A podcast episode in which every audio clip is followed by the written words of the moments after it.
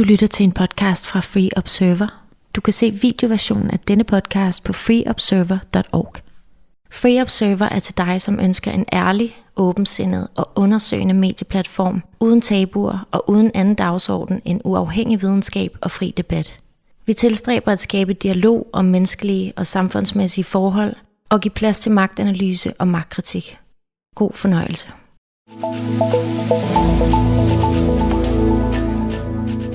Hvad gør det ved vores børn at opleve konsekvenserne af regeringens coronapolitik med lockdown og skolelukninger, håndsprit, afstandskrav og nu også maskepåkrav?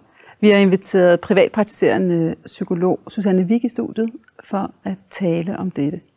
Hvordan tænker du, at alt det her, øh, der er sket siden marts måned, øh, har påvirket vores øh, børn i samfundet?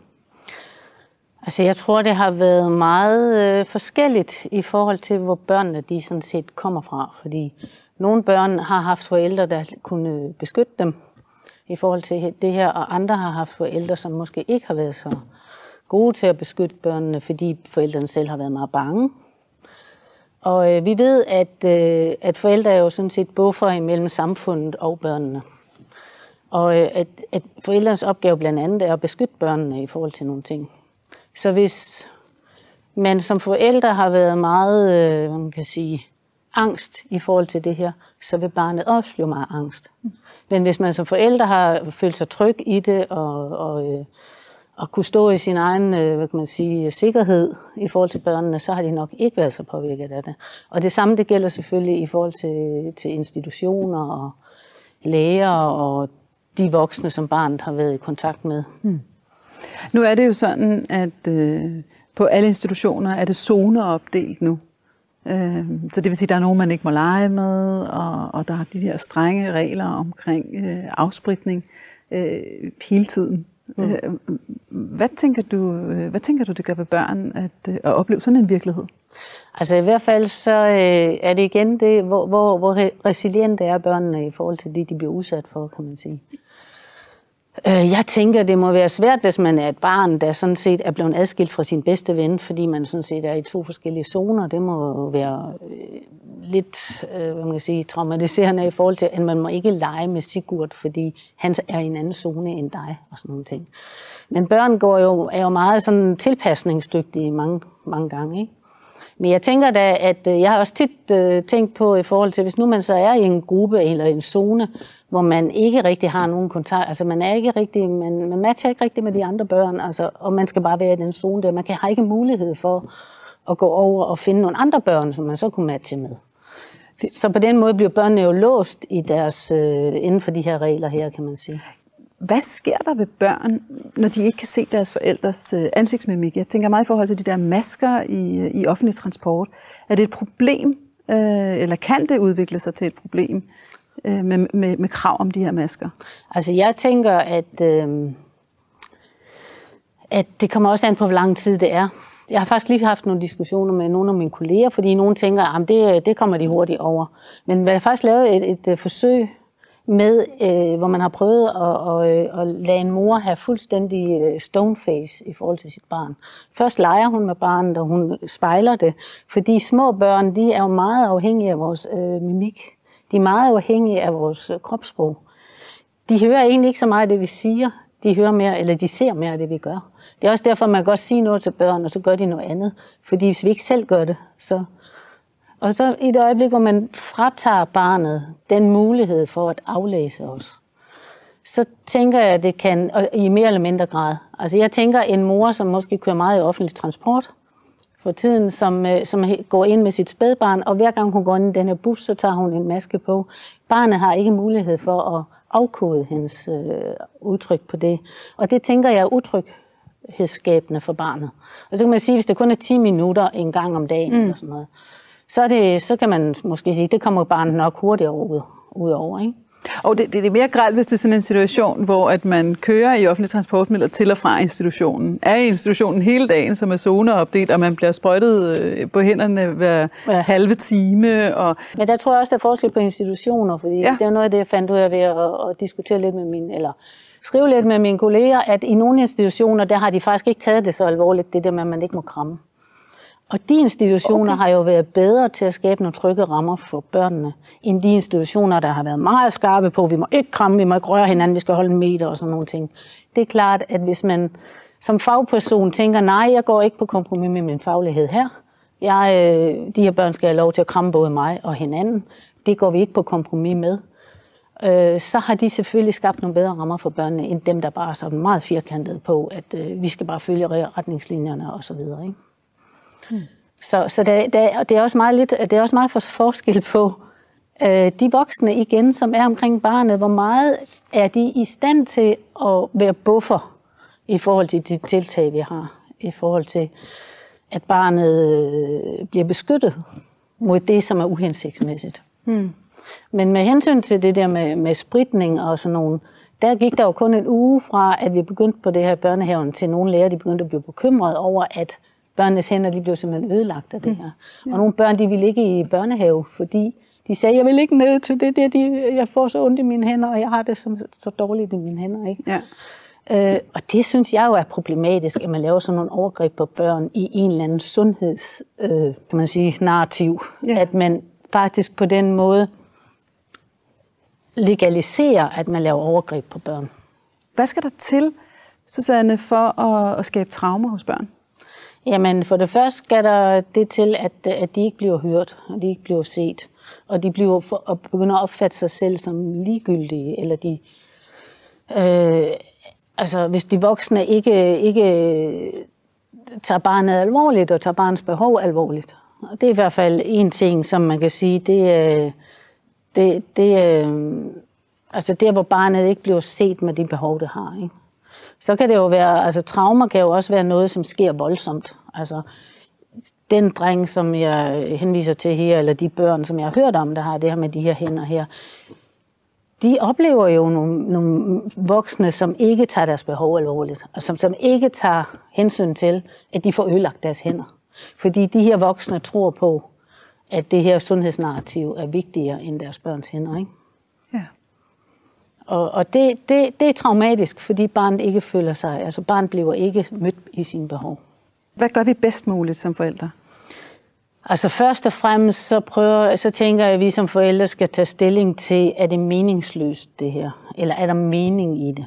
Og det ja. kommer selvfølgelig an på, hvor man ser det fra. For hvis man tror, at det er en meget farlig virus, som øh, kan slå dig ihjel, hvis du ikke har maske på, så er det klart, så er det et udgangspunkt at have. Men hvis man som forældre godt kan se, at nu er smittetallet så langt nede, og, og der er meget, meget, meget lille chance for, at vi overhovedet bliver smittet, og hvis vi bliver, så mærker vi måske ikke sygdommen, eller vi kommer i hvert fald ikke på sygehuset, det er de færreste, der gør det, og kan se det der, og tage den derfra og sige, så vi slapper altså lige lidt af på det her. Ikke? Så de er selvfølgelig en buffer i forhold til, at, øh, at øh, beskytte barnet mod overgreb, øh, som det kan føles i nogle tilfælde her. Ikke? Mm. Øhm, jeg tænker, hvis det var mig, nu har jeg ikke små børn, jeg har kun store børn, mm. men hvis det var mig, der havde små børn, så ville jeg gøre meget for at beskytte dem. Jeg tror faktisk, jeg ville prøve at se, om jeg kunne undgå at tage offentlige transportmidler, hvis jeg havde en baby, jeg skulle spejle. Eller måske også lave nogle, øh, nogle tiltag, hvor, hvor øh, jeg ville holde børnene hjemme fra skole, hvis jeg oplevede, at der var for mange overgreb på dem, eller sådan nogle ting. Og det er ikke alle, der kan gøre det. Der er nogen, der er afhængige af at, at skulle, men under alle omstændigheder kan man gå i dialog med, med de mennesker, som har med ens barn at gøre. Altså, hvis jeg oplevede, at mit barn kom hjem med de her ødelagte hænder, så ville jeg helt klart gå i dialog med børnehaven eller med skolen og sige, kan vi gøre noget, altså, øh, hvor det, fordi det her, det dur jo altså ikke, at man for at beskytte barnet mod en sygdom tilfører dem en anden sygdom. Det, det kan være vel egentlig, når de tænker nærmere over det, godt se, at det giver ikke mening. En, en ting er jo så, at forældrene har maske på, og at de små børn ikke kan aflæse forældrenes mimik. Men hvad så, når vi kræver, at børnene har masker på? Øh, jeg ved, at der er nogle skoler, øh, hvor de siger, at den eneste mulighed for at komme afsted på lejerskole, øh, for at, at vi kan stå inden for det, det er ved, at, øh, at børnene så bærer maske i den offentlige transport og får afsprittet deres hænder hver halve time mm. på vejen. Mm. Og det kan måske være en, en tur på 6 timer eller sådan noget. Mm.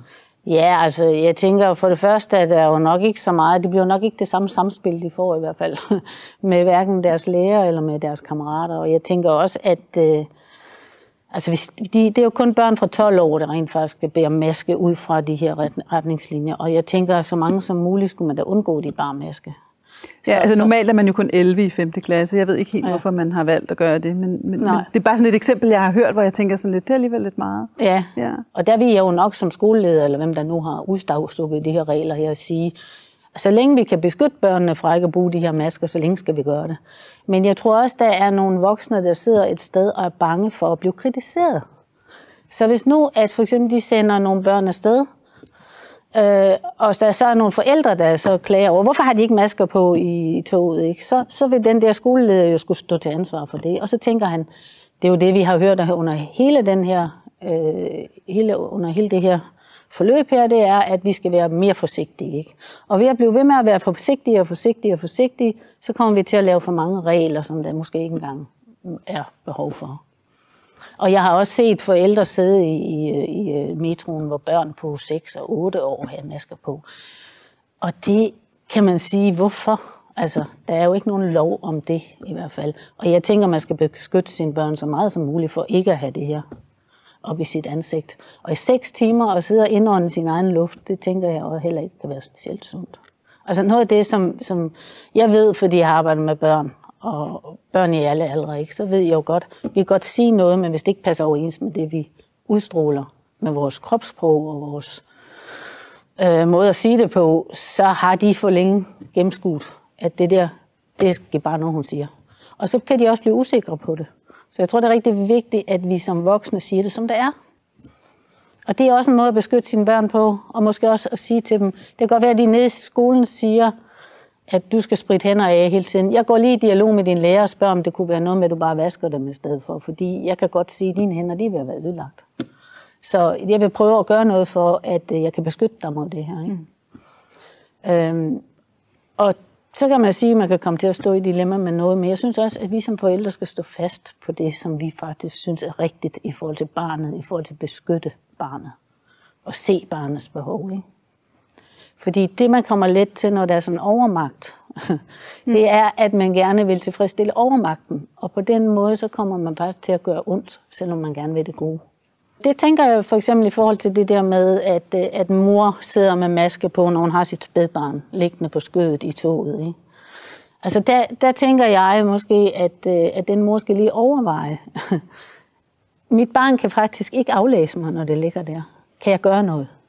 På nogen måde. Ikke? Ja. I stedet for bare at sige, at det skal det, og så lægger jeg ikke så meget mærke til, at mit barn det skriger hele vejen, fordi det kan jeg ikke, det kan jeg ikke rumme nu. Øh, så så jeg, øh, jeg, jeg må bare lukke af for det. Ikke? Ja. Altså, og det er farligt et øjeblik, hvor vi lukker af for, hvad barns behov egentlig er. Eller det barn, som kommer hjem med ødelagte hænder, og så moren siger, jamen det er der ikke noget at ved, det bliver du bare nødt til. Eller sådan noget. Hvor den mor bliver nødt til at gå i dialog med skolen og sige, kan vi gøre noget, fordi mit barn er faktisk ved at få ødelagt sine hænder. Og lærer de ved, at, øh, at når vi først har fået ødelagt vores håndbakterier på hænderne, så tager det overvis om at få dem bygget op igen. Ikke? Så, det er jo en meget, meget alvorlig øh, ja. øh, konsekvens af, af den her politik, må man sige. Ja, øh. det, det er nemlig det. Og, og det er der altså mange børn, der har fået ødelagt deres hænder i det her, i den her sygdomsnavn. Og jeg synes ikke, der er mening i at påføre dem en anden sygdom, fordi man er bange for en, en sygdom. Altså. Tusind tak, fordi du kom, Susanne. Super. Tak. Ja.